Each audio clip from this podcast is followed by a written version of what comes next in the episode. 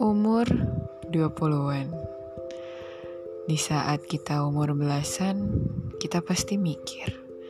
Di umur 20-an, asik nih, gue bisa ngapa-ngapain. Udah bisa legal ini, legal itu, udah bisa bikin keputusan sendiri. Kuliah juga tinggal bentar lagi. Tapi apa iya kayak gitu?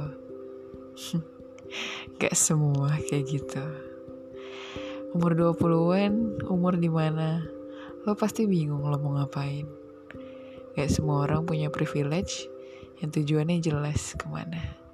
Tapi gue masih bersyukur gue punya orang tua dan teman-teman yang masih sayang banget sama gue.